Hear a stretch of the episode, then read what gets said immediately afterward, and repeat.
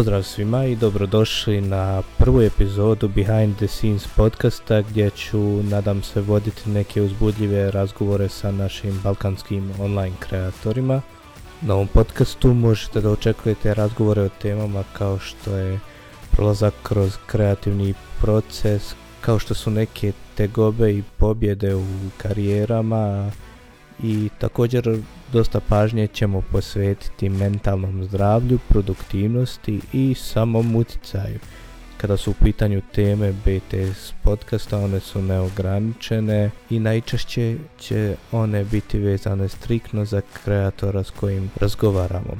Prije početka slušanja ovog podcasta želim da napomenem da ovaj podcast se emituje uživo na YouTube-u, tako da kad čujete neke dodatne zvukove ili kada odjednom gosti ja skrenemo sa teme, da znate da u tom trenutku gosti ja imamo neku vrstu interakcije sa publikom naš prvi gost je Edin Čufurović, on je svoju karijeru davno počeo na YouTube-u, međutim ono što ga je proslavo jeste TikTok na kojem je od 2017. godine.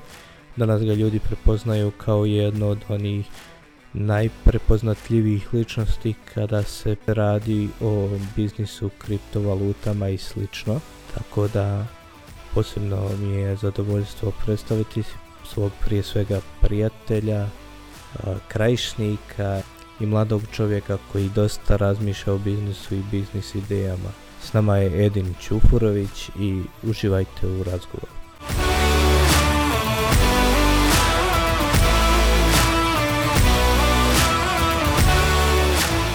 Ćao Edine, kako si? Zdravo, zdravo. Ja sam dobro, kako ste i brate moj? Šta ima? Šta ima, brate, ko tebe, evo. Trejda se, trejda se, gubi se, dobija se i tako. kako Edin malo prije prije podcasta kaže i minus je za ljude. To moj brate, brat Bakir u četu najbolje zna. On će se o, pronaći znači, Da li, da li je Bakir u četu? Mislim da jest, mislim da jest. Ovaj, šta ima, šta se danas dešavalo na trading sceni? Danas je dan za kriptaše jako zanimljiv. Bitcoin skače kao lud, a vikend je, obično se vikendom ne trejda baš zbog, hajmo reći, malog tog tiltija i svega, ali eto, očekujemo večeras ili ogromni skok ili ogromni pad, ne možemo za sad ništa znati, ali vidjet ćemo šta će nam noć donijeti. Kako ne možete ništa znati, ono, to nije a to samo određeni trader na Balkanu mogu znati. Ja sam ovdje ne trader, ja sam ovdje skamer sam. Eto, to mi je zanimljivo, ovaj, nedavno si odlučio ponovo se vratiti na YouTube, startao si svoj kanal s kamer. Kako si zadovoljan, kako je to krenulo, kad možemo... Izbacio si jedan video, ako se ne veram. Ovaj, kad možemo očekivati. Prvi video izašao je prije jedno, dvije, tri sedmice i jako, jako, jako dobra podrška. Znači, u prvi 24 sata imali smo preko 20 i nešto hiljada pregleda, to jest imao sam također preko 3000 subscribera je odmah kanal skupio, što je za biznis nišu stvari jako dobro. Uh, definitivno sam uvjeren da sam pokrenuo svoj neki YouTube kanal gdje bi snimao entertainment neki naravno bila bi puno veća, ajmo reći, podrška ljudi što se tiče broja ljudi, zato što je biznis u stvari općenito niša biznis, ne samo na Balkanu, pogotovo na Balkanu, u stvari u svijetu najmanje ima ljudi koji su zainteresovani za takvu nišu. Tako da, evo, danas sam baš počeo pisati skriptu za novi video, trebao bi ga snimiti do kraja sjednice i trebao bi izaći. Ako uskoro, jako sam hajpan zbog tog videa. Čekaj, jel ti pišeš skriptu ili chat GPT piše skript? Tajna.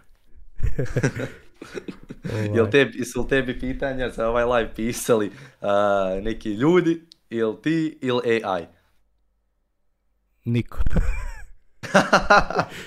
ovaj, niko ništa nije, ništa nije planirano, ali ovaj, htio sam da krenemo nekako od, od tvojih početaka, iako to smo već pričali nekad prije, najgore pitanje koje neko može da ti postavi, ono kako je sve krenulo i sve ostalo, ali mene zanima onako da mi kažeš ko je Edin Čufurović, odakle dolazi, gdje je rođen, šta je radio kao dijete i tako da.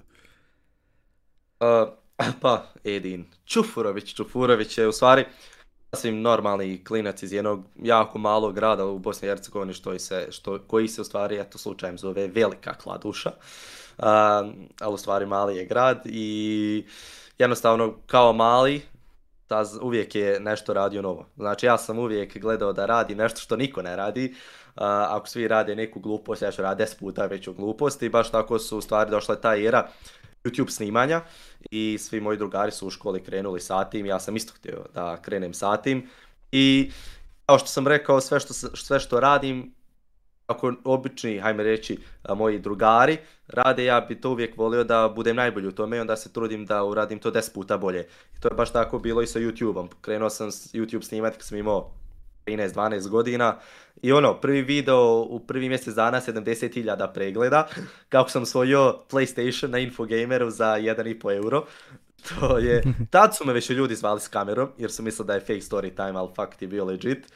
Um, to je to, ništa. Jednostavno kao mali, kao i sad u stvari imam uvijek neke ciljeve koji su ono van nekih granica, ali stvarno smatram da granice ne, ne postoje. Jedine granice koje imamo, koje možemo imati su u stvari granice koje mi sami sebi zadamo u glavi. To je to.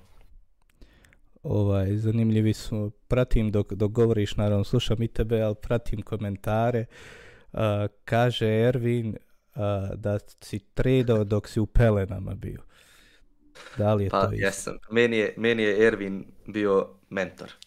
Mene, meni nisu mijenjali pelene, meni su učili kako da sam si zamijenim pelene i da kupim Bitcoin. To su mene učili. ovaj, super. Kako je tvoje okruženje reagovalo na startu kad si počeo da snimaš? Mi spomenuo se da su u svih tijele, ali kako, kako generalno, kako, kako su oni reagovali? iskreno, reakcije su na početku bile pozitivne dok je nisam prestigo sviju sa preplatnicima i pregledima, onda je polako krenuo hate, što je ono, a, djeca, sasvim normalna ta stvar. što se tiče stvari, sami komentara kasnije, kako je, hajmo reći, polako uspjeh dolazio, komentari su bili stvarno raznorazni. Imao sam jako puno podrške, a najmanje podrške u stvari je dolazilo iz moje okoline, znači od mojih bližnjih prijatelja, pa i ljudi koji baš nešto ne gotivim. Ali kada sam se naučio, nakon već jedno dvije, tri godine snimanja, naučio sam se jednostavno izdvojiti od svih ti nebitnih mišljenja, od nebitnih ljudi. A poslo mi sve deset puta lakše. Znači, ono, šta ćeš ti meni danas reći, meni nikako ne zanima. Ja furam po svom, radim svoje. Iako je nekad bile situacije gdje, mi bi bilo bolje da sam poslušao nekoga, a, da li to u, dobrom smislu ili lošem, eto nisam to uradio. Mislim da mi ipak to na kraju više donijelo benefita nego loši stvari, ali eto, sve, sve je tu da se nauči. Ljudi znaju da se ono krenuo od prilike na TikToku, ako se ne varam, iako si imao YouTube kanal prije toga, ali sa TikTokom je to eksplodiralo. Da li je i kod tebe bio slučaj da se to desilo ono u vrijeme korone ili... Um, pa ja sam u stvari na TikToku snimao još 2016. E, e, kada sam krenuo za YouTube. Ja tad nisam znao što TikTok postoji. Zato što tad se nije zvala aplikacija, hoće TikTok, zvala se Musical.ly. E, sestra mi je rekla za tu aplikaciju i fazon tad je bilo možda hiljadu aktivnih usera sa Balkana, možda i ono, nije bilo smisla snimati na našem jeziku. Ja sam tu se probio među englezima i TikTok zaboravljam sve tamo do 2019. godine 2020. kada je u stvari krenulo sad taj karantin, online škola i bukvalno dosede ne znam šta da radim. TikTok je eksplodirao na Balkanu tad, rekao ajde da vidim kakva je sad aplikacija, iako znao sam kako sve funkcioniše na aplikaciji dok je puno ljudi u stvari bilo skroz novi to mi je jako pomoglo na startu, ajmo reći, do tog uspjeha jer sam znao kakve vide trebam snimati, kad trebam objaviti, šta trebam koristiti, šta ne baš zbog tog prijašnjeg iskustva i to mi je, to mi je jako, jako puno pomoglo u daljem razvoju stvar samog profila. A šta misliš o TikTok sceni danas? Današnja TikTok scena je, bože me sačuvaj, znači ja se stvarno sramim koje su nama predstavnici TikToka. ima tu naravno, nisu svi, a ja sam sa određenim ljudima jako dobro, ja. pogotovo. Nisam ja, Lovčo, ja sam najbolji. A ljud, e, ono, naj, ajmo reći najpoznatiji tiktokeri, možda 10% njih znam u stvari u privatnom životu i dobar sam sa njima. Ovi 90 znaju, oni mene znaju, ja njih, ali bi volio da i ne znam, da ni, nikad nisam saznao za njih. Pogotovo kad sam kasnije saznao stvari koje sam saznao i to je strašno, znači to je baš današnja TikTok scena je, bože me sačuvaj. Ja, pošto sam, pošto sam radio na fejsu, ja ti moram ono, imena. Šta? Moram ti, moram ti tražiti imena. Pa kakva imena, ne znam ja imena. To su toliko nebiti ljudi da ja sam njima zaboravio imena. Kod imena ćemo kasnije, to je, još je rano, šta je podcast, ne treba 5 minuta. O dobro, sad, sad se vratio na YouTube. Sad se vratio na YouTube, šta je s YouTube scenom? A YouTube scenu nisam, ne pratim baš toliko. A, ne znam kakva je situacija kod nas, ima tu možda Balkanski youtubera, 4 pet koje znam, koje znam i privatno, koji pogledam neki eto video kada stignem, ali stvarno ne pratim YouTube scenu dovoljno dobro da znam kakva je trenutna situacija što se tiče vodeći ljudi. Dobro. Šta Edin radi vikendom? Radi. Edin radi svaki dan, svaku noć. Nije firma kiosk. Kad se nađu kad se nađu onaj dva, dva krajišnik. Evo kaže, pišu ljudi u komentarima da skema vikend. ne, ne, ne, ja skemam svaki dan to. Vikend A, nije, je... samo vikend. Ne, ne, ne. Uh, vikend mi je ono, jako sličan kao i svima što se tiče tog, hajme reći, večernih života. Eto, desi se nekad u mjesecu da naviče imam vremena da izađem i da imam volje, imam vremena, imam u stvari vremena više nego što imam volje ali dnevni dio dana, to je dnevni, preko dana, u stvari cijeli dan radim, evo kao i danas, bukvalno sam cijeli dan bio za čartom, cijeli dan sam rješavao neke mailove i to je to, takav mi je svaki vikend, ništa special. A ništa special, ali sinoć si izlazio. Pa sinoć sam izlazio, zato sinoć nismo snimali podcast. Sinoć sam imao volje. Sinoć sam imao volje. Dobro. Kakav je noćni život u Kladuši? Rtav ne može biti življi. Ne, ima, dakle, ljudi ovako ono preko... A došlo je, ono, ne, ne, ne, a, moj grad je grad koji živi kada su neki praznici i kada je ljeto i zima, kada u stvari slenderi mogu doći, ljudi izvana, to su naši ljudi, ali je to jedino grad, hajmo reći, da živi, da se mogu u stvari vidjeti ljudi, ali eto, ja jako često putujem i meni je barem jedan vikend u jednom mjesecu na nekoj drugoj lokaciji, tako da onda tamo vidim, to, uglavnom to budu neki veći gradovi, onda ono, vidim šta je tamo izlazak i onda dođem kuće, ono, prna bara ovo, ali no, meni, meni je tako i lijepo, ne, ne, ne treba mi ništa više. A spomenuo da putuješ, da li nekad imaš želju ono kao proputovati cijeli svijet ili kao neke specifične lokacije samo? A, pa nemam baš neke specifične lokacije, nama stvari 90% putovanja ispane nasumično skroz, a zadnje putovanje u Pariz koji smo ono gledali, bio je plan da idemo u Dubaji, onda je bilo neki problema sa vizom, šta ćemo ono u pet minuta smo vidjeli Pariz, otišli kupili karte dva mjeseca unaprijed čekali da dođe januar.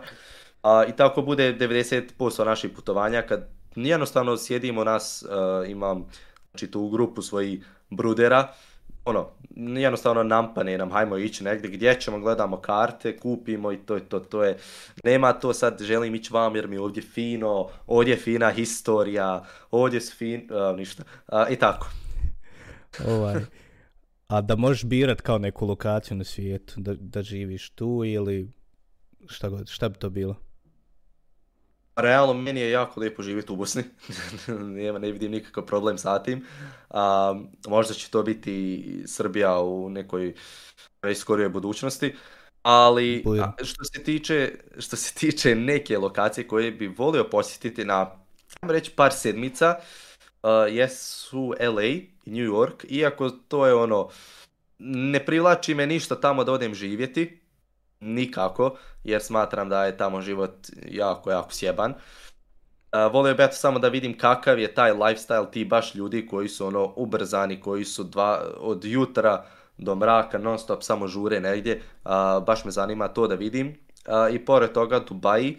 ono, to je, klasika, moraju skameri, kripto traderi, forex trader ići u Dubai da se skema, ali meni je Dubai fakat lijep grad, znači nenormalno, nenormalno lijep, e, ona sva, hajmo reći, tehnologija i grad i koda si 50 godina u budućnosti. Tako mi, taka mi se čini i Dubaji i jedva čekam da ga postim, što će vjerojatno biti ove godine.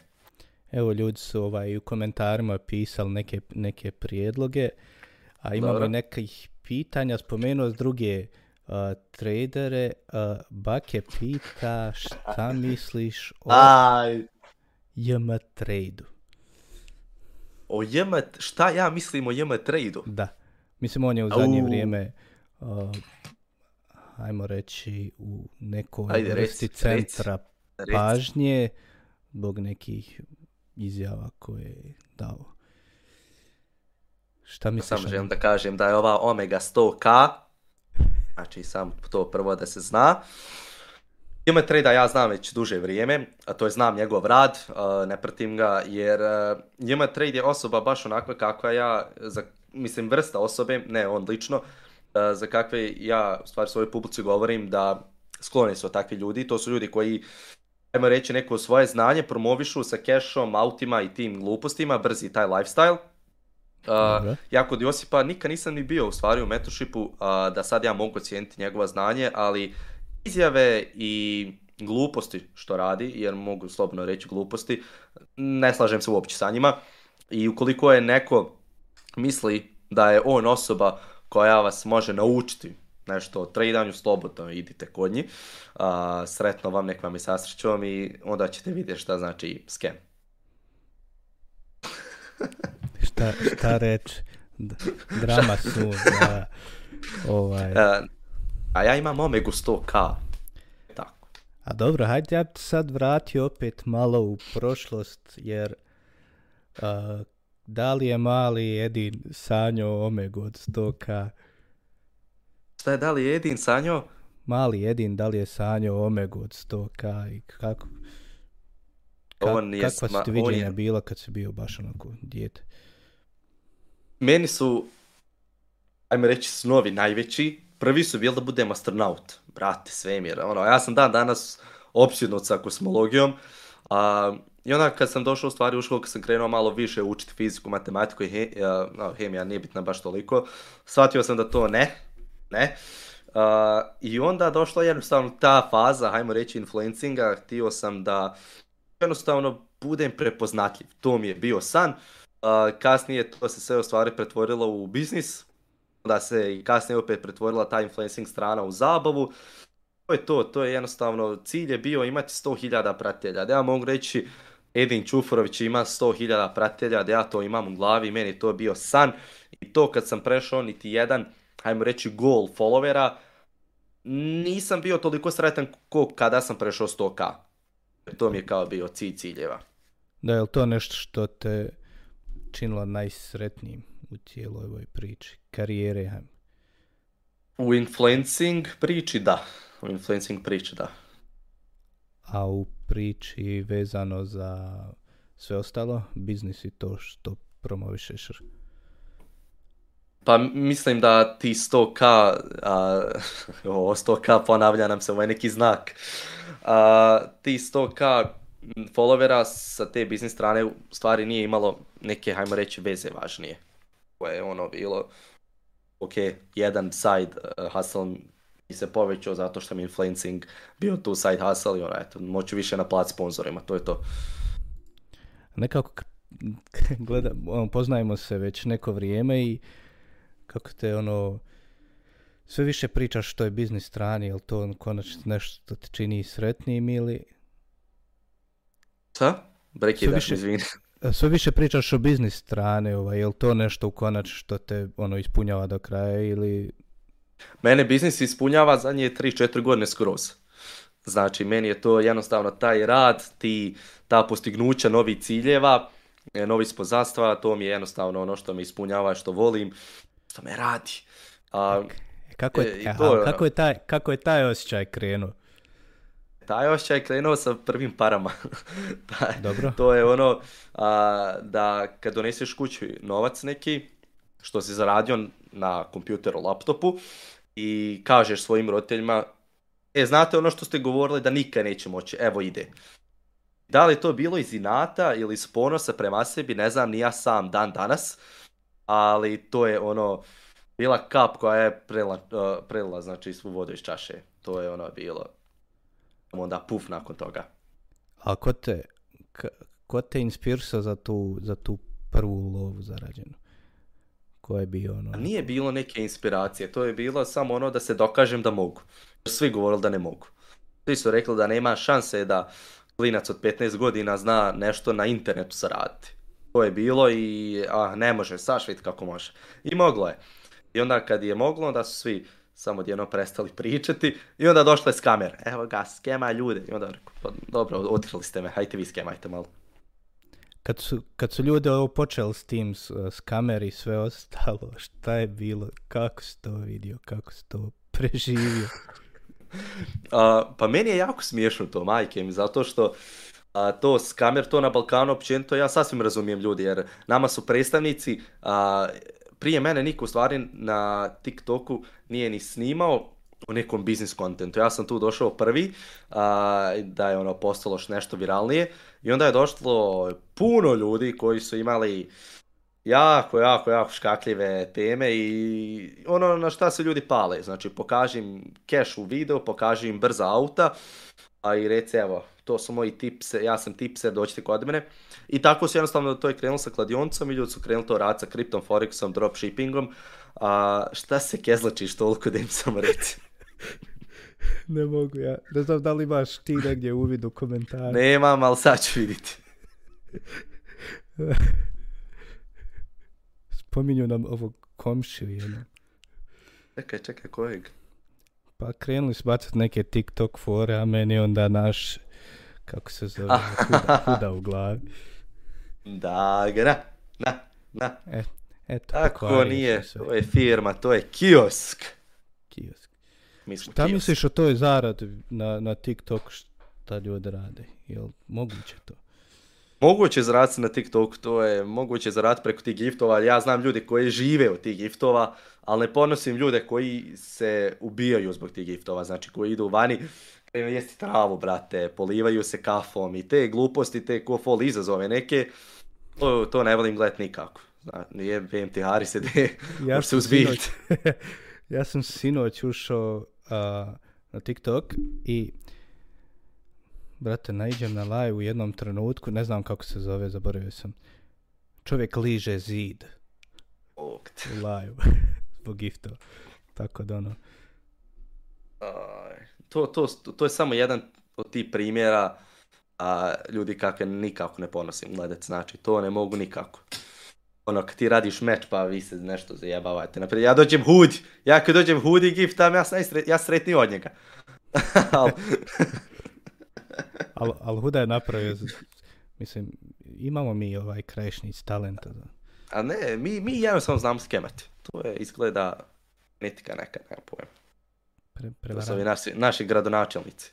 Ali dobro, niko, niko, ja mislim, ko, god se bavio kontentom, bilo šta, ovaj, sa naših prostora, ja mislim da je omčo, ono, nenadmašiv. Omčo je baš čovjek za, koji je jako puno uspio i meni je drago zbog njega. drago mi je zato što prije par godina, ja se sjećam, ja odlazim u trgovinu i omčo ispred trgovine prosi bukvalno za operaciju svoje majke. I kada ga vidim danas, šta je sve uspio, ja sam nenormalno sretan. Kutivi on mene ili ne, skroz mi je nebitno. Znači, zato mu uvijek ću skidati kapu. Jako sam sretan zbog toga. A moram ljudima otkriti taj segment, zašto se rekao gotivio od mene ili ne. Ljudi, znao omčo, sam otpratio jedina sa Instagrama. A, Omčo me zapratio, ja ga nisam pratio, ja sam u follow backo, onda me otpratio. Jako sam tužan. Eto, nisi trebao Nisam tužan, plakao sam, šta, plakao, sam dva dana, šta je to, to je ništa. Ma ništa, Kažu ljudi u chatu da je omčo ljubomoran. A, da, da, da. Ne idemo ja, moram ja otići do Bihaća napraviti neki sastanak s omčom. Mi ja... napravimo uh, YouTube scam. Ja mislim da je najbolje da vi na, na TikTok meč organizujete. Jel on, jel on radi na TikToku? Mislim da radi, mislim da sam ga vidio. Ne sam, ne sam, ne sam, to ne sam. Mislim da je, da je vrijeme za taj neki meč. Mora, mora, moramo vidjeti, da malo skoknemo do Bihoća. Što Mislim, čemu to? E, ja sam krajišnjak, ja sam mogu sad tako šaliti. Ti možeš to, ovo je, sa tim krajiškim forama, to je, brate, ono ko, ko ono, crnice, Joj, brete. Ono. Ali ne, ako, se, ako si to, možeš koristiti određene riječi. Ako nisi, nemoj. Uh, onda ćeš biti cancelovan. Pa mi imamo naj, najjače content kreatore, definitivno. Ali, Ari si evo, prvi. Kaže moj Harun u čatu da ti nisi krajišnik, ti iz kamer.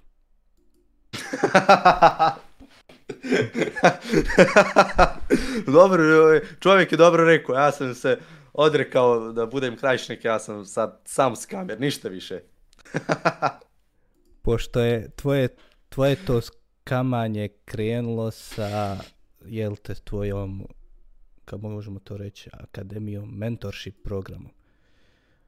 Ovaj. A prije, prije u stvari tog mentorship programa bilo je ono malo ajme reći tog skamer, nije se to toliko promoviralo zato što sam samo snimao vide online zaradi. I onda kad sam stvari otvorio tu edukaciju, a, koju stvarno sam, ono, nema, vi ne možete kod mene naći video da sam ja ajte u zadnjih mjesec dana naćite video na TikTok da sam ja spomenuo svoju edukaciju. Ja nastavljam kontent koji sam snimao dosta, znači gdje pomažem ljudima kako oni mogu zaraditi online. I baš sam danas evo snimao story na stvari Balkan milionera Instagram profilu a, da radimo stvari prijave za novu grupu i ukoliko ljudi misle da je neka brza zarada i te gluposti da nam se nikako ne javljaju.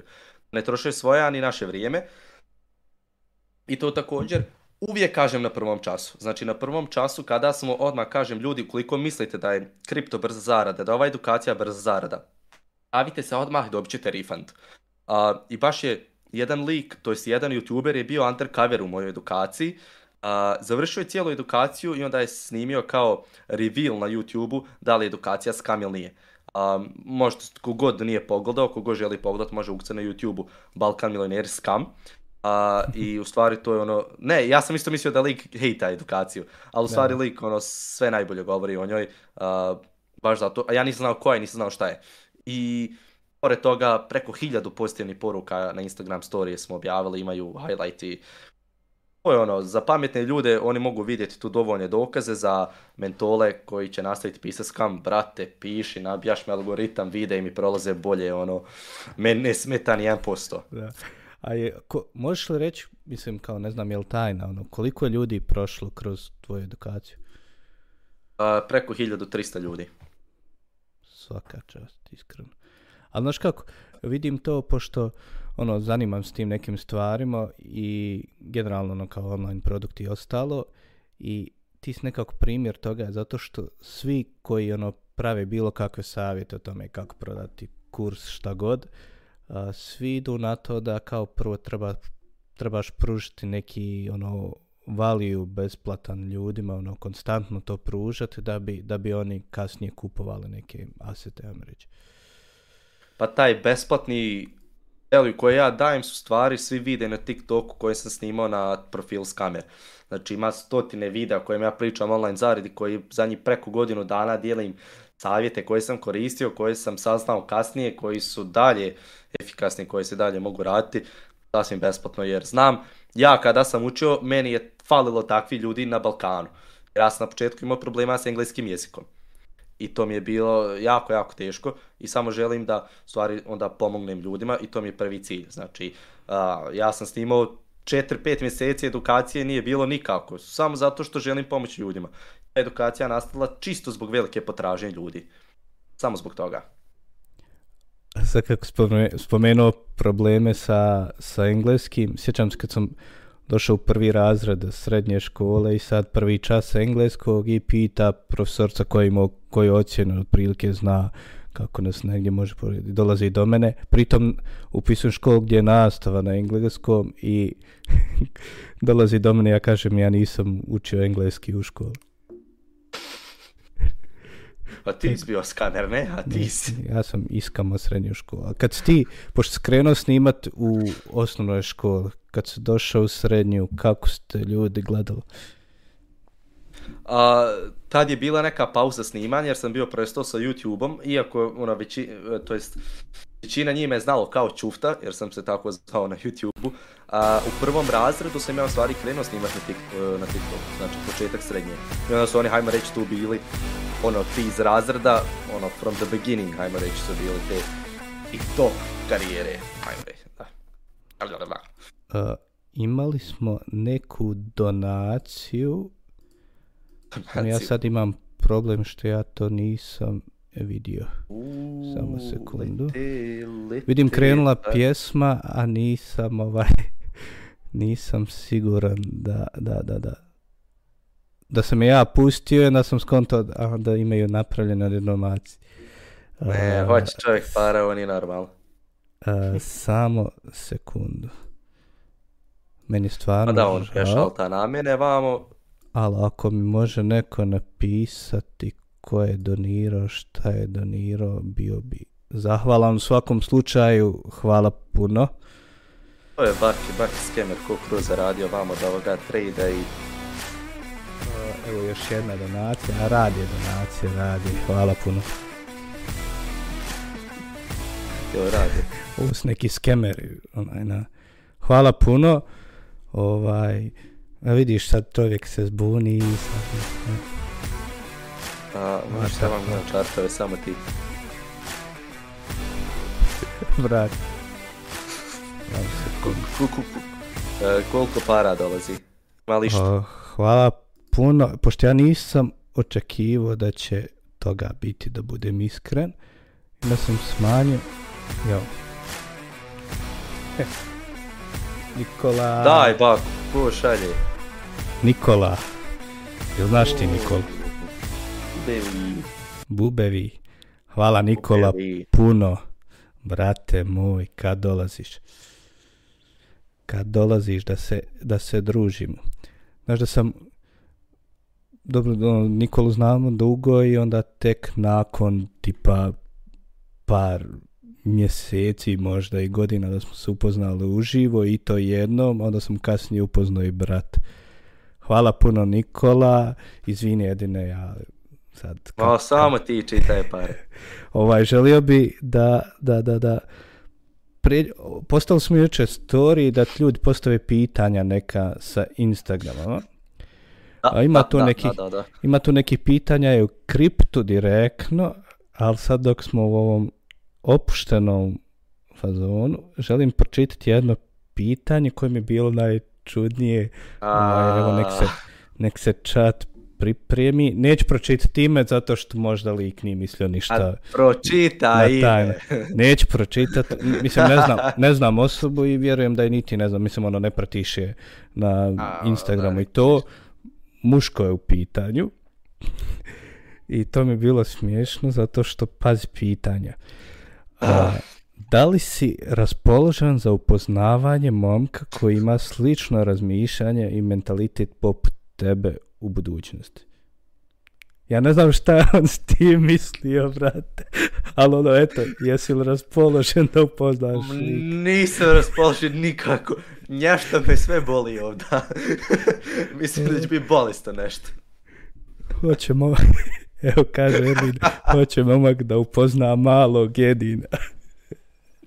Ama, ja, ne, ne. se ja s Ervinom i Bakirom nakon streama, On su, moram ti priznati, najaktivniji ovaj na, na, Jesu, oni, oni, su, oni meni u pozivu rekli kako će vam biti najaktivniji u četu. Ali samo u negativnom smislu potvrđuju. Dobro. Onaj. E, Evo, bake, bake, danas i to 100 plus sa mojim tradeom, pa je onda malo ljut. Izvijem, bak. Evo da te, da te zagrijem. Jel, jel izgubio bake šta od tvog trade? Ja jes, izgubio milione, brate. Er, Ervin, Ervin ga mora čupiti, Ervin je spasio u ovoj situaciji. Ma nešto vi men mutite. Daću vam ja svoj volet, imam jednu 30 eura, pa halal, radite što hoćete.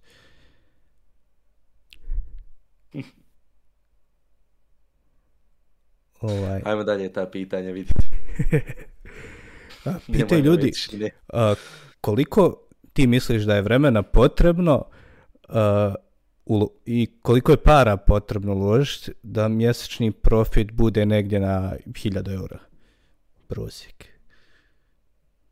Vremenski period sa 1000 eura profita na mjesec dana nema nikakve veze zato što tu najviše zavisi ulog, znači koliki je kapital, lik je početni kapital, da li, je, da ima neko znanje iza toga, tako da vrijeme uopće nema, nema nikakve, ono, nije efikasno ako se tu kreće sa kapitalom od 50 eura, na primjer.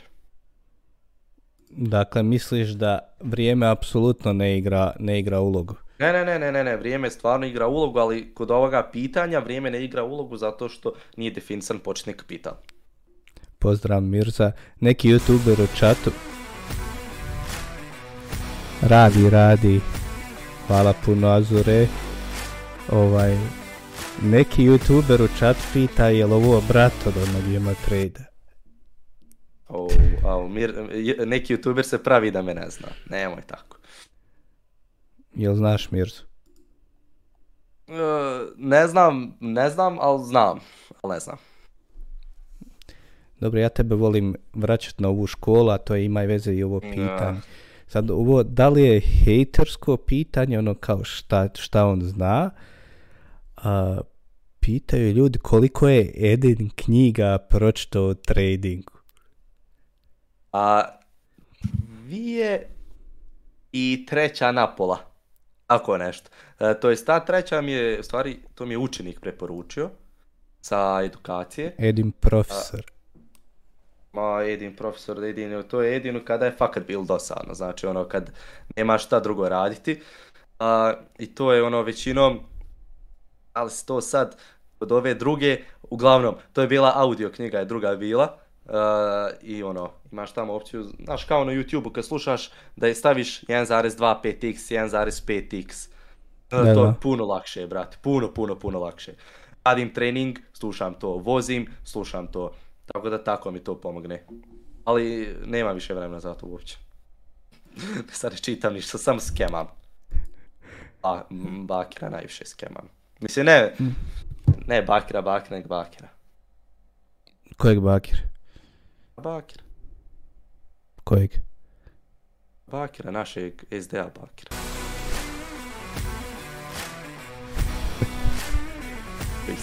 Hvala Mirza na 10 eura liti, liti, pari. Ne, bi da ulazim u to, Mirza. Ovaj, mislim, u taj odnos. Kakav odnos? Pa, pošto je Mirza napisao, hajmo roleplay na N tim. Ovaj. O, zanimljiva pitanja. A, ja se generalno kao, mislim, nemam pojma od kriptu. To ono, zaboravi. činjenica. Ali, pošto ljudi koji tebe gledaju, njih to zanima, pa ću ja pitati ova neka pitanja o kript. Pitaju da li vrijedi majnovat Pi network Pi network je najveća glupost koja postoji. Znači, ja sam par puta pričao o tome i reću sad opet, znači, vi kada majnate, P network, vi stvari ne majnate ništa, vi samo dozvoljavate da aplikacija krade vaše podatke i prodaje kasnije za advertisement, tako da nemojte se uopće vidio sam da je kao neki Pi P listovan na Binance, to u stvari uopće nije isti coin i nećete moći prodati to što ste majnali, nikad nećete moći prodati. tako da eto, samo sačuvajte telefon odmah, izbrišite tu aplikaciju. Ali mislim, to je scam. Ovaj, ali znaš kako, meni to ne zanima, brate. Svi su čuli od tebe sve. sve o kriptu što hoćeš. Šta ovaj. tebe zanima, Harise? A sva što me zanima, brate, zanima me kad si ono aktivno, aktivno streamao na, snimao na, na YouTube-u, uh, zanima me otkud ideje, kako tvoja kreativa neka, kako, kako je to dolazilo? za YouTube vide. Čekaj, čekaj, izvini. Šta? Fakat, meni je ovo premalo, a ne znam gdje, gdje se nađe na, na... Ne vidim notifikacije ove, ne mogu ono da pročitam. Kako, kako to se nađe? Znalko. Šta bo, šta ti pričaš? Za donacije, brat. Jer, ja, ja sam uspijem pročitati dok dok je tu na ekranu i sad ono mi ti... moraš ima dodatni window otvoren. Pa imam ja dashboard, dobro. Dashboard. Podcast se ovaj. pretvara kako da Haris čita donacije. Hajmo ljudi, svi sad. Šta da ti kažem? Brate, samo sekundu. Notifikacije. replay. Dobro, na dashboardu sam i šta sad? A analitika. Ja gledat coinove. Aj ti gledaj coinove. Ja se mm-hmm. izvinjavam, ali... Ne, to je ta profesionalna produkcija. Ljudi. Čekaj! je moguće, brate? Mirza, izvini, molim te. Ja, ja mu se zahvalio na 10 eura, ali ih donirao 100 eura. No, GG. GG. Jesi normalan ti? A Ako nisi do sad povuko, hvala, brat. Oj, brata. Hvala Mirza puno, brate moj, baš, baš znači. Hvala ti puno. Brat, jesi normalan ti? Evo dok mi dok ja ovo komentaršem, medem, sad zaradio isto ovako 100 eura. Hvala Mirza, za brat, puno. Hvala. Kaže mali Harin, treba i Har sjest nešto ovaj mjesec. Jest, Hvala Mirza, brate moj. A brate, imam samo Mac kako ću igrat s tobom roleplay, ono, nema, nema smisla. Zar je još roleplay tema, brate? Ka, jest, jest, kaže ljud, mir za propu a za baca donacije 100 eura. Izgleda nauči skemat negdje dobro. Mirza, gdje ti skemaš, brat? Znaš ti ljudi na me krpali. Dobro je, Harone ovaj, šta sam te zadnje pitao? Ne ovo, znam, ne znam, ovo, ne znam. ovo je čar tog live podcasta, znaš, ono, imamo ove prekide. Ja, ja, ja, baš su dobri. Sjeti se prošli puk smo snimali. da, bilo pritom, hoću da kažem ljudima, Edin ja smo snimali jedan podcast prije 10-15 dana. Ne treba a, kad, kad ja još nisam odlučio da, da ću raditi live podcast i snimili smo to, međutim on mi nikad nije poslao snimak, ali to smo se i dogovorili jer je i on bio umoran i meni bilo prvi put da nešto, mislim, i sad mi je ovo kao neka proba svega nups, ovog. Nups, Nup sam, nisam, ne znam još pričati i tako to.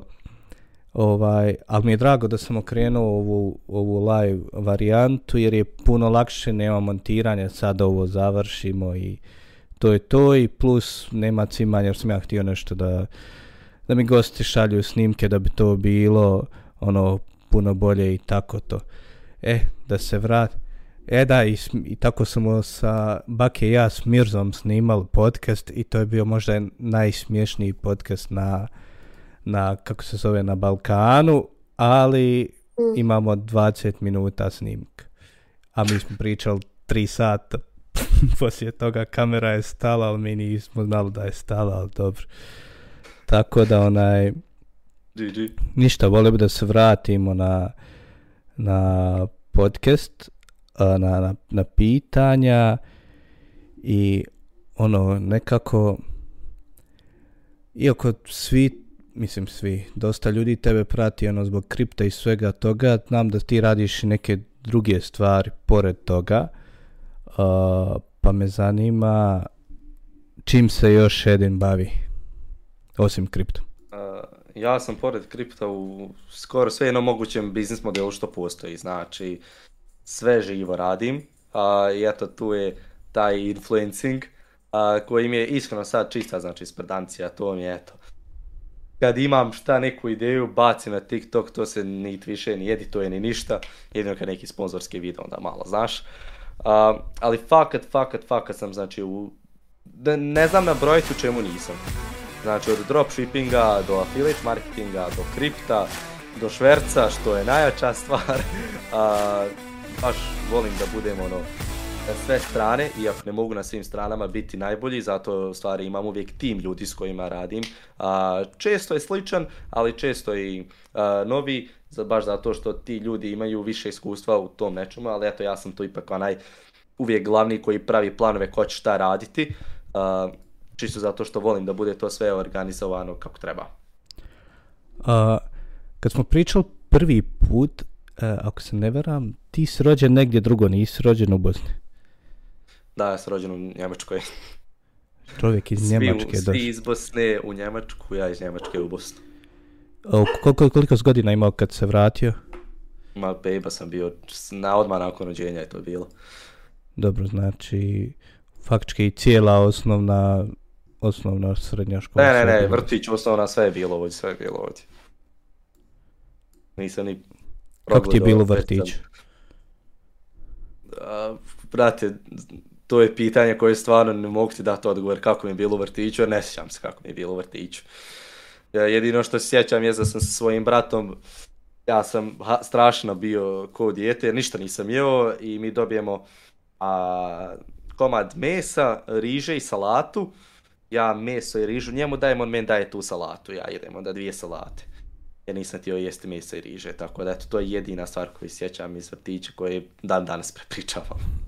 Ja se sjećam da toliko bitna.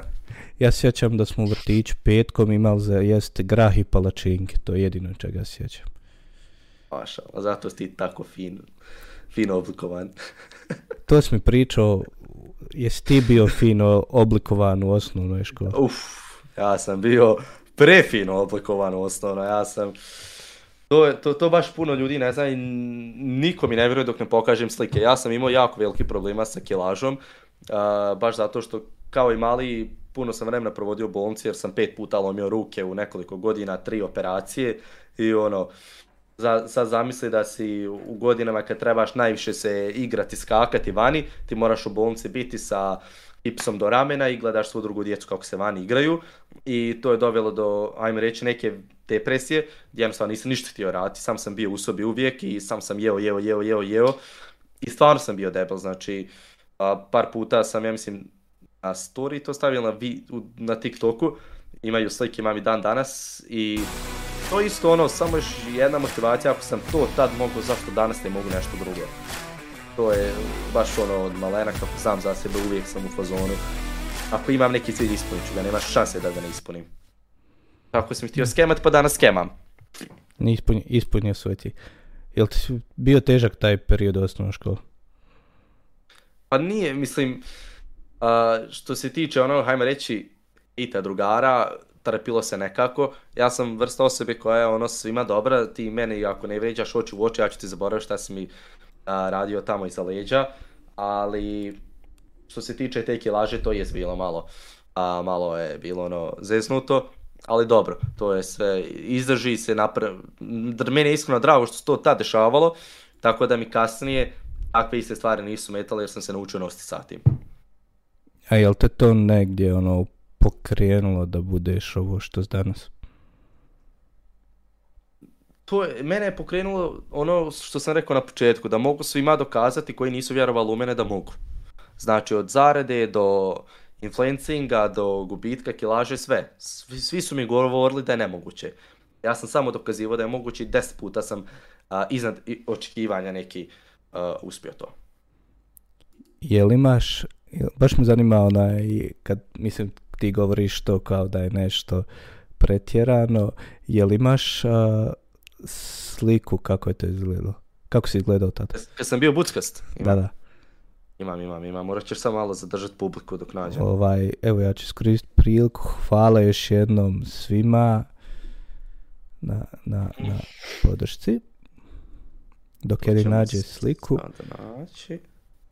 mislim da imam samo ovo, druge su mi na kompu. Dobro.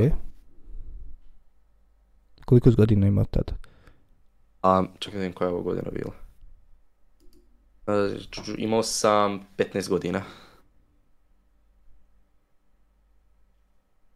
Pa dobro. Bure, brate. Bure. Pa dobro, nije. Ne, puno, puno, puno, puno je manje na slici nego što je u stvari bilo, ali ne zajebavam te no dobro. Ovaj, ali nekako opet mislim to, to, je, to cijela transformacija ovdje, to je sve znači zabilježeno dan, znači svaki dan je tu bio zabilježen transformacije. Znači to je bila ona odluka što kaže... To je ono kad u jedan ujutro doneseš sebi odluku koja će ti promijeniti život, da će živjeti zdravije, da ćeš više zarati i takve stvari.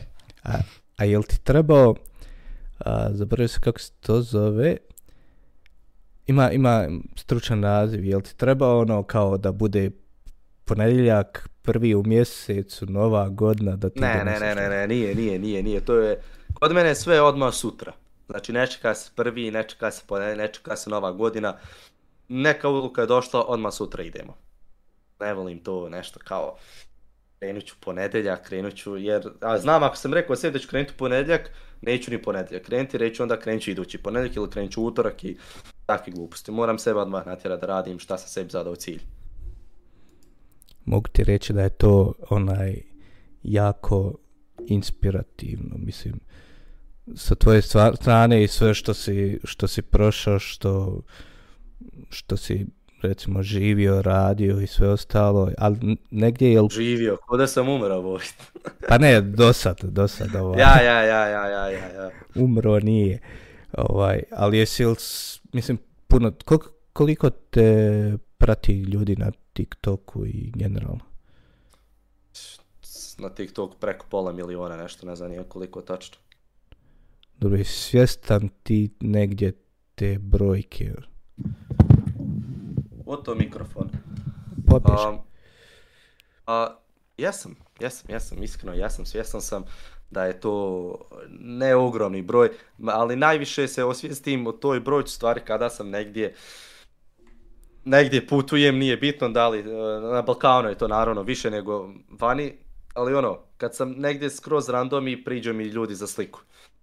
To su sad, kako sam krenuo biznisu snimati, to više budu sad stariji ljudi a, odem na bazene, priđe mi lik 30 nešto godina kao ajmo se usukati, a ako znaš me sa TikToka, on kaže ja sam tvoj učenik.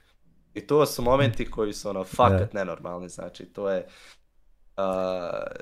baš, baš, baš prilip osjećaj. Ali vjerujem nekako, mislio sam ono, negdje sam te htio pitati, jesi li svjestan da si inspiracija djeci da, da počnu da zarađuju svoj novac, ali sad kako si rekao da su to i stariji ljudi, ovaj zanima me uh, kao da, da li si svjestan, već, da li si već postao svjestan da ti inspiršeš ljude?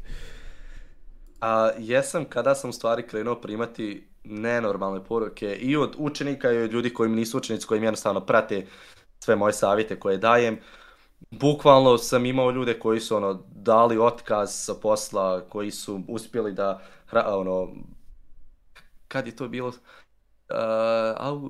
august, august prošle godine bio sam na ljetovanju i ja sam sa curom bio u Pagu. Isto tako mi ono, bila neka grupica ljudi, mislim ljudi, dječaka, i mi smo se slikali svi ono, ovo je onda dolazi stari brat od tog jednog momka, kao e, hvala ti puno, a, zbog tebe sam krenuo dropshipping, mama više nije morala rad dva posla. Ja ono slušam to, ja ne vjerujem. Znači nema ša, ovaj lik mene laže 100%. 100% i, i njegov mali brat me pitao da ga zapratim na Instagram, rekao može. I kasnije sutradan, lik mi stvari šalje video snimak njegove majke kako se zahvaljuje. Tu su, to su nerealni momenti, znači koji ja kad pričam naglas, ja sam sebi ne vjerujem da je to istina. I ono, stvarno, to ne govorim javno, zato što jako mali broj će ljudi u stvari vjerovati, većina će govoriti da je laž, ali zato baš i ne govorim, jer ne želim uopće da ruše tu perspektivu, jer ja znam da je to realno, ja znam da je to bilo, jer to se desilo. to su momenti koji su mi nevjerovatni, znači, ono, kao što sam rekao, kad me neko pita za sliku na Bog zna koje lokaciji, znači u Parizu na aerodromu su me pitali djeca za sliku. Znači imam sliku sa, sa kojom je prijatelj, kako se ja u stvari slikam sa njim, njegov otac me slikao. Ono, stvarno, nevjerovatno, nevjerovatno. Ne znam, ne znam šta da kažem o tome.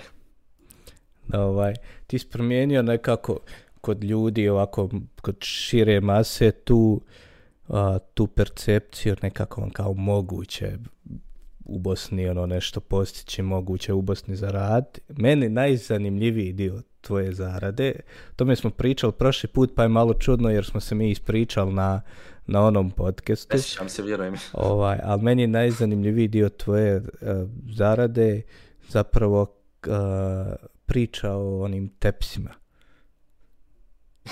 to je jedan banalan primjer. to, je naša, naša privatna priča, ali sjećam, sjećam se. A pričali smo o tome na podcastu. Jesmo, jesmo, jesmo, prošli podcast, jesmo. Ovaj, jedan banalan primjer gdje si ti, evo nebitno da li je to bio taj tepih, da bilo šta ne moramo, ne moramo o tome, gdje si ti ono pokazao da eto nabaviš neki proizvod koji tebe u tom trenutku logično košta manje nego onoliko koliko ćeš ga prodavati i prodaš na hiljade komada ono, u mjesec dana. Da, priča sa tim tepsima, ono, to je bio dropshipping store, i mi smo te tepije prodavali 10 puta skuplje što smo i nabavljali. I mi smo bukvalno radili sve dok nismo i više mogli nabaviti, jer ti tepisi su išli ne dobro neko, nerealno dobro i to je samo čisti primjer sa kakvim glupostima se može zaraz. Znači, e, mom gradu, mislim ne samo u mom gradu, Bosni, na Balkanu, fakat se mogu naći ljudi koji su milijarderi, koji prodavaju ili imaju tako jednostavan biznis koji su jednostavno eto tu bili prvi ili su imali sreće ili su radili neku sitnicu malo drugačije. Ja stojim iza, on, iza toga da se na internetu može prodati apsolutno sve, samo moraš naći targetiranu publiku. Jer brate, ja sam prodavao tepije, ja, ja nemam pojma o tome, ali ja sam znao kako ja mogu targetirati ljude koji žele to. I to je to, preko, znači hiljade komada su otišli. Za dva, tri mjeseca. Javi se Ervinu poslije podcasta, onaj. Trebaš nešto targetirati. Nećemo se javiti, on je, on je, treba će se ja njemu javiti, treba on meni nešto sad. Ovaj, a jel nekako, ono, sad se opet vraćam, malo mislim, š, mijenjamo dosta teme zato što ti radiš dosta toga, pa mi ono, i meni lakše da pričamo o svemu pomalo. Kad neko, evo ja sam nedavno odlučio stati nakon x godina iza kamere, stati ispred kamere i kad neko počinje onaj, sad neko želi početi, na primjer na TikTok, tu si naj, najuspješniji, kako da počne, šta da mu bude prvi koraci, šta da radi. Pomagaj. to je tako jednostavno, sam kreni. Znači, tu nema filozofije. To je kao ono u teretani kada želiš smršati, kada želiš udebljati. Svi misle da je to neka kvadna fizika. U stvari samo kalorijski deficit, kalorijski suficit. To je to. Znači, ili ćeš unijeti više kalorija što ćeš potrošiti, ili ćeš unijeti manje. I to je jednostavno takve stvari su ono jednostavne da nema smisla da se one overtinkuju. Isto kao u snimanju, sam kreni. Ne, isto kao u zaradi online, sam kreni. Izgubit ćeš para, nije bitno, izgubit ćeš vremena, na snimanju ćeš također izgubiti vremena, izgubit ćeš živaca jer će te ljudi hejtati, ali ti, ako, ako ti cijelo vrijeme ostaje ono u glavi što si imao na početku, taj tvoj neki cilj, a ništa ti ne može srušiti taj tvoj cilj ako je dovoljno jak. To je to. Mm. Da. Samo kreni skemati. Samo kreni skemati. To je to. Brate, eto, eto para, eto u možeš li ih to naučiti kako, kako ide skemanje? Uskoro ide edukacija kako biti skemer to, ali to bilo dobro. Brate, pazi ide prvim edukaciju kako e, skemati e-book, košta 10 dolara. Ljudi kupe i samo jedna stranca, evo skemani ste. I onda ide povratno novce. Refund. Aha. Ide, ide. Prkno! e, kako sad, se sam vam dao novu biznis ideju, sad ćemo neko prekopirati. Da, kad spomenuo opet, ja se vraćam na to krajiški, a, jesu li te tad u tom periodu kad skrenuo sa YouTube-om, jesu li te djelimično bar inspirisali ono naša, naša okolina koja je tad snimao Meca, Omčo? Jest, jest, jest. jako mi je zanimljivo što nekadašnji moji uzori su danas poznanici moji ili su prijatelji. A, to je isto ono samo jedan indikator koliko sam uspio. ali definitivno bilo je motivacije. Bilo je motivacije što se tiče te strane snimanja na YouTube. Ono, pored onoga što je bilo je neš moći uspjeti. Puno ideja i puno naučenih lekcija se u stvari naučilo ti ljudi a i gledali su se zbog zabave. Koga je jedin gledao tad? Kad, brate, kad. A, najviše, najviše sam bio gledao, znači bio je prvo Serbijan, Serbijan tata. A, bio je također Reading Creations. A, to smo pričali, smo to rekli prošli stream, ja mislim da jesmo. Na podcastu, ne stream. Bio je, ja, znači, Serbijan, ja, ja, ja.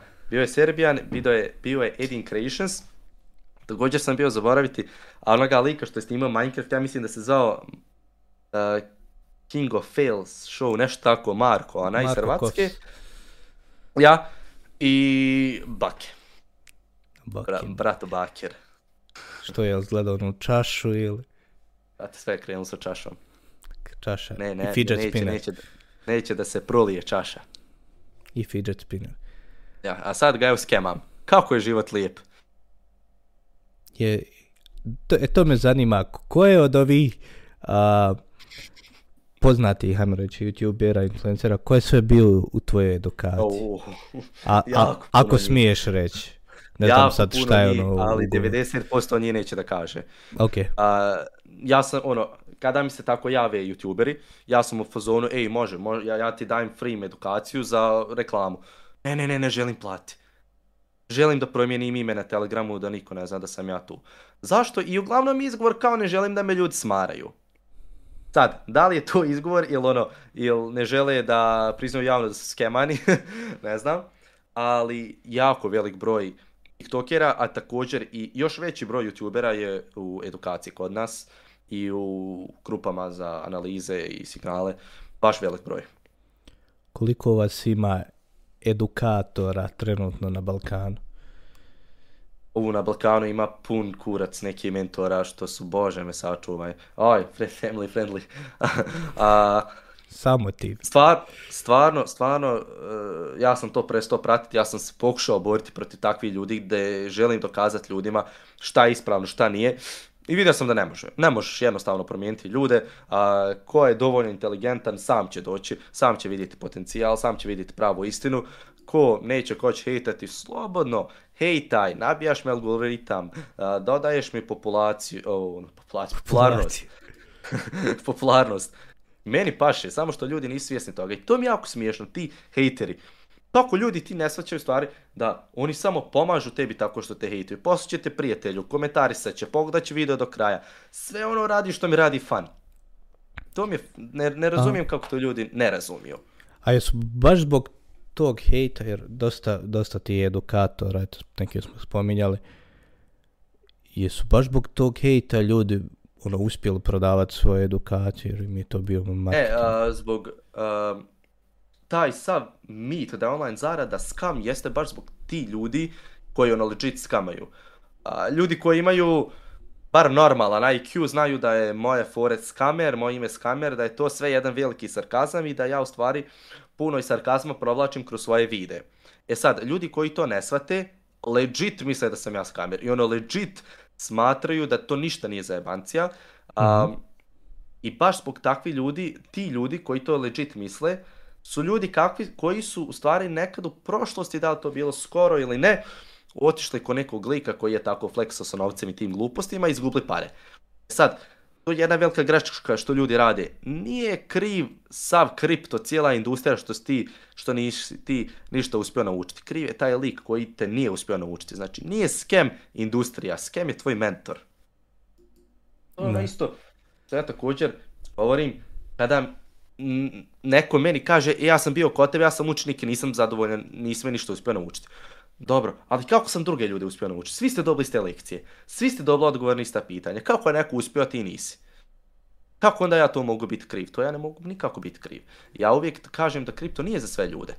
Ne može biti za sve ljude. Zato što 80% je psihologija i emocije, a 20% je znanje. Jer emocije će te puno puta sjebati. Da, zanimljivo je kad to kažeš kako nek...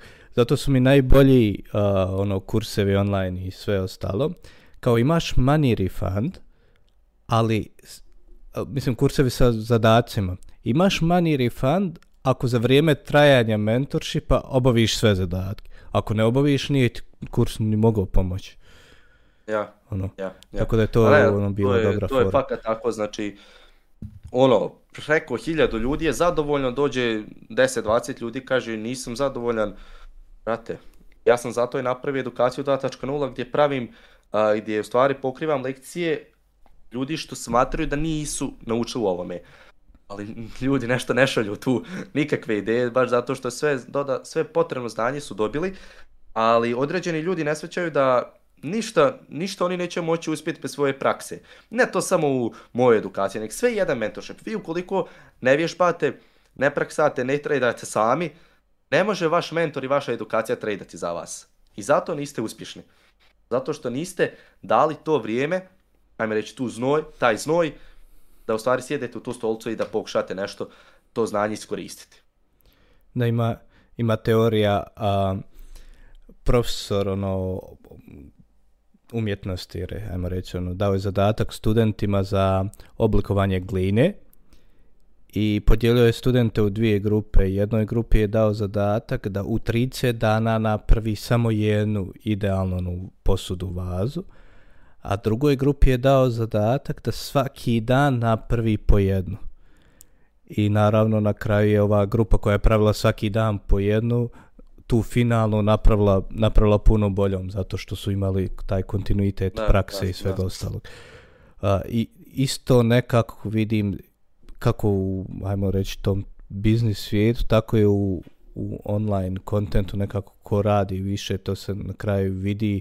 Evo, na primjer, prošle godine mislim da je Sibi najviše radio i, i, i to, se, to mu se na kraju vratilo, to se, to se vidjelo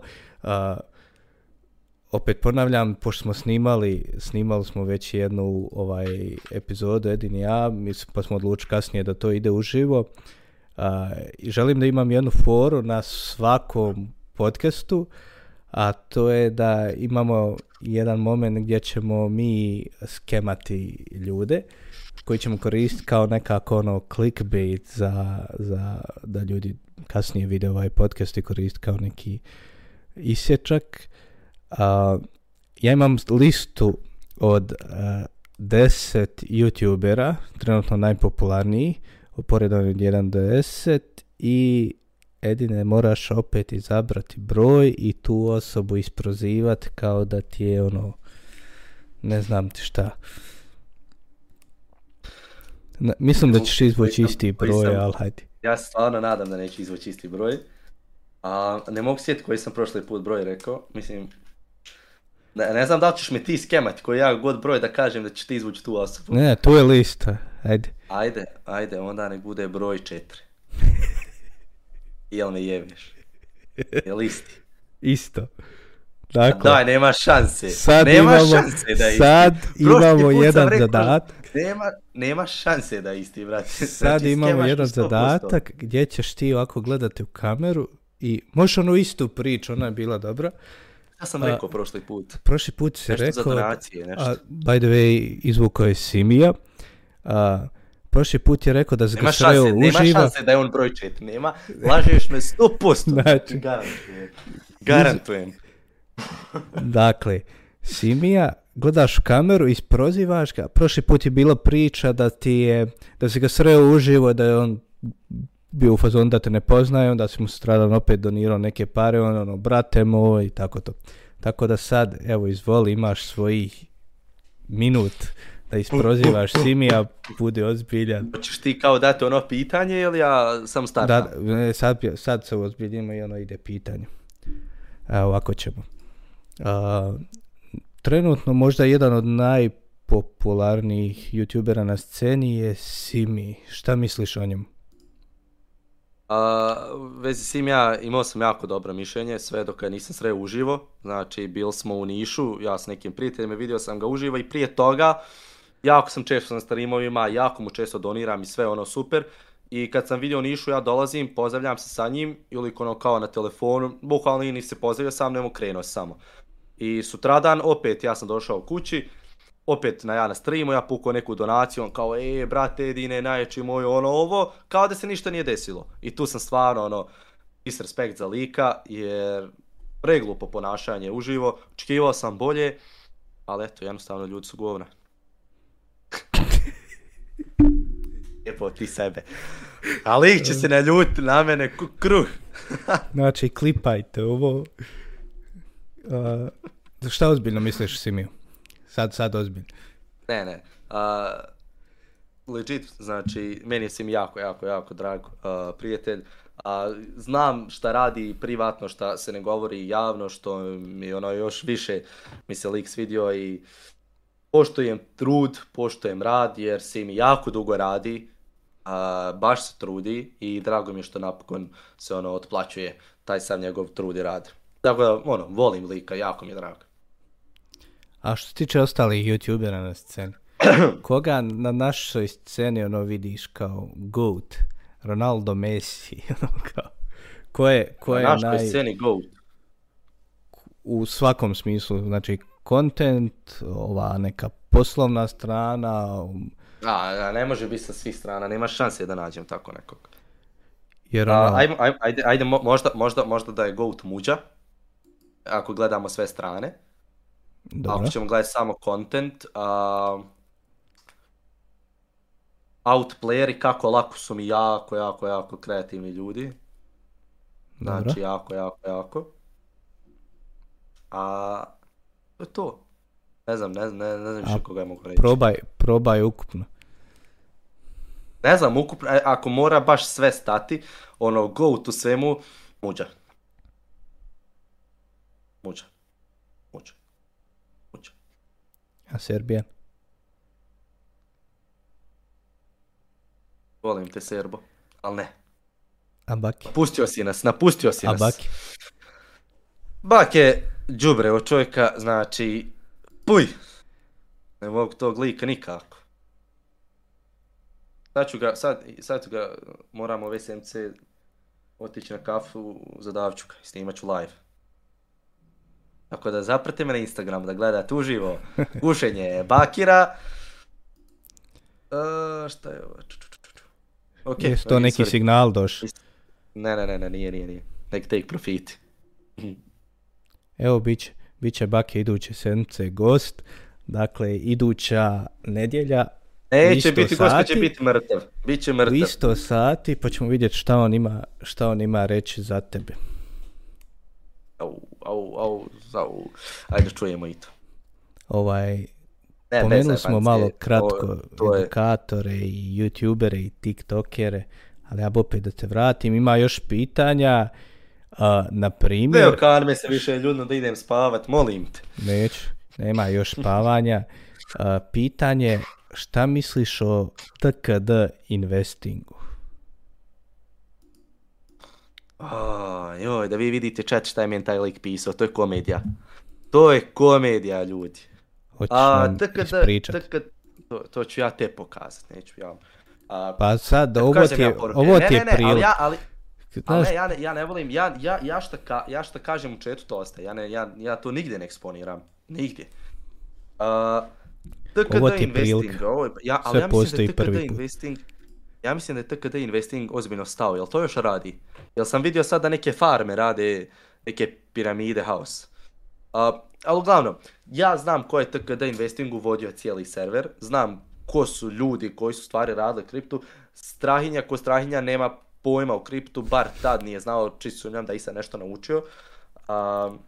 znam ko je vodio grupu, to su ljudi koji imaju znanja o kriptu.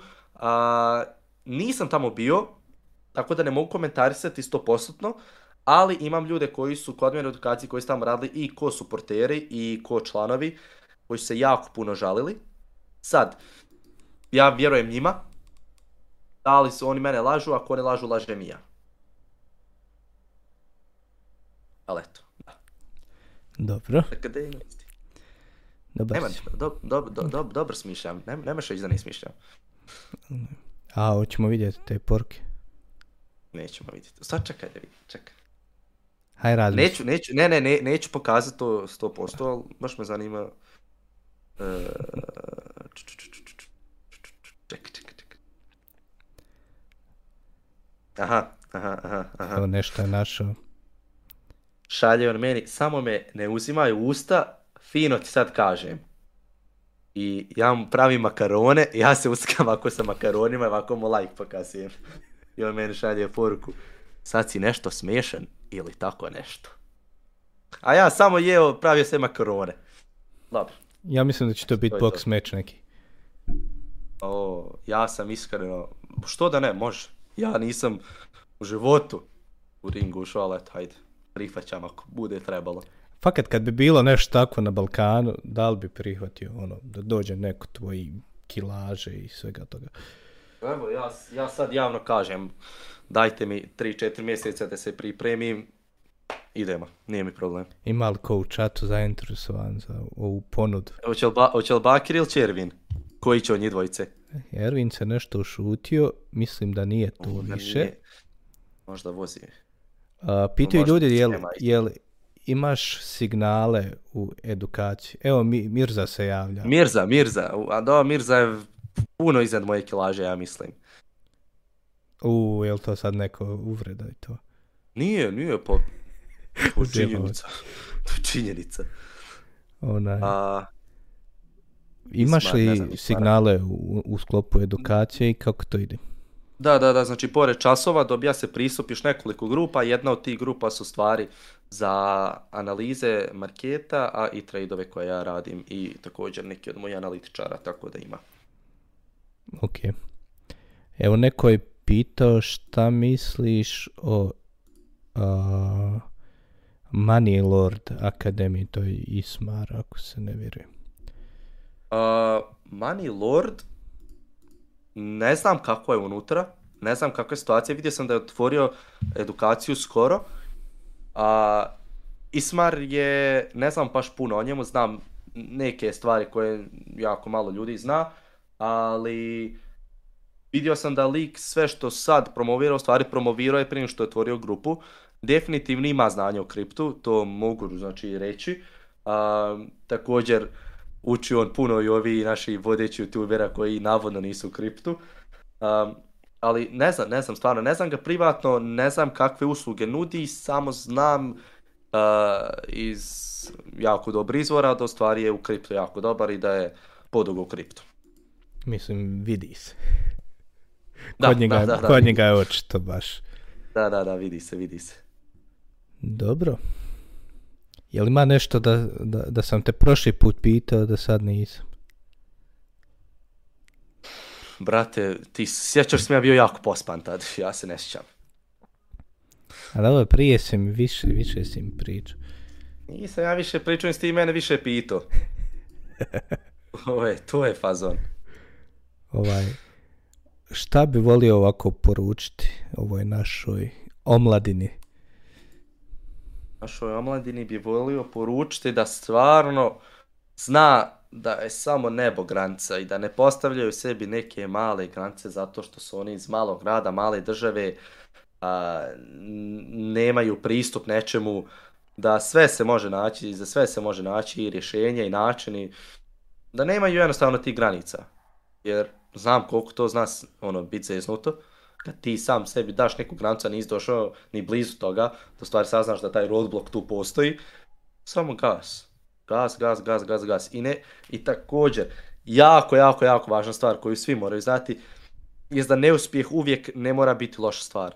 Ja neuspjeh volim da gledam kao lekciju, jer si u mogućnosti da analiziraš sve svoje greške koje si tad uradio, tako da i ne možeš u budućnosti ponavljati.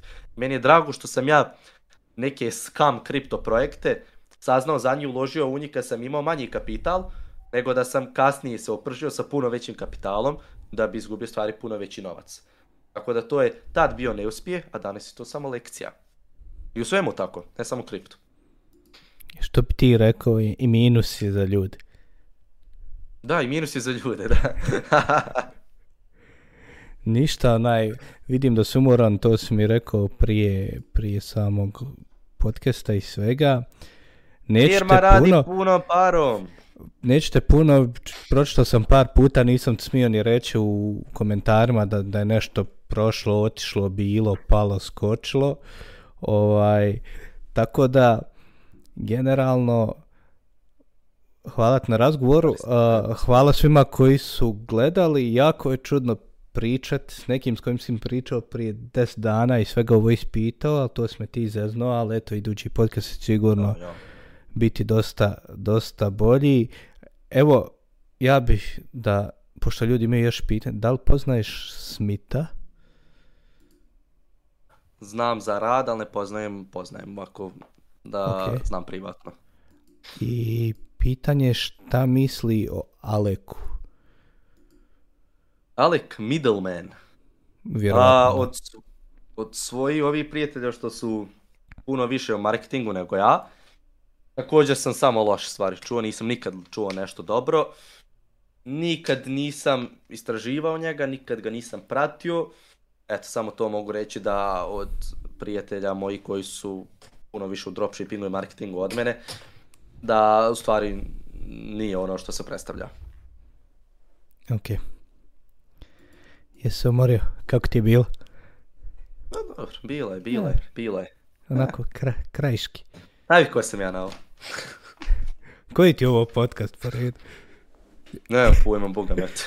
Ne sam Boga. Kad izađe, kad izađe ovaj moj podcast, Edin će biti na više podcasta od Miroljuba Petrovića. Ja, ja, ja. Još samo, još sa, sve ću opcijirati za verifikaciju, sve im moram staviti tamo. to, te goba.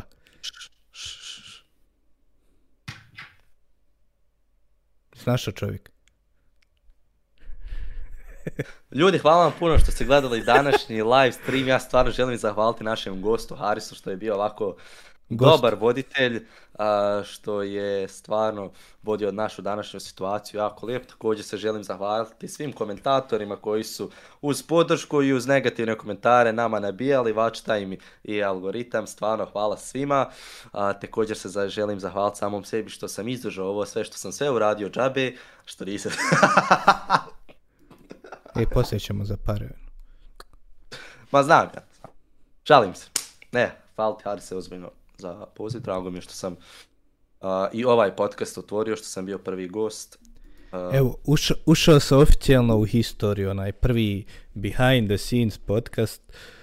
Tako da, drago mi je da mi je Krajšnik bio gost, a malo mi je žao što nismo ga, što nismo ovako snimali onda kad smo, kad smo trebali prvi put snimati, tako da ono, nema veze, nekad idući put će biti možda i uživo, tako da mislim da ćemo imati dosta tema, ostao sam puno toga dužan, ali dobro. Neka idemo, čekaj, bit ću prvi gost u sezon 2, može li tako? Hvala svima što ste gledali, hvala te bedine, mi se čujemo poslije, još jednom hvala svima, to bilo to od prve, od e, prve epizode Behind the Scenes podcasta, do nekog idućeg puta. Lijep pozdrav i čao.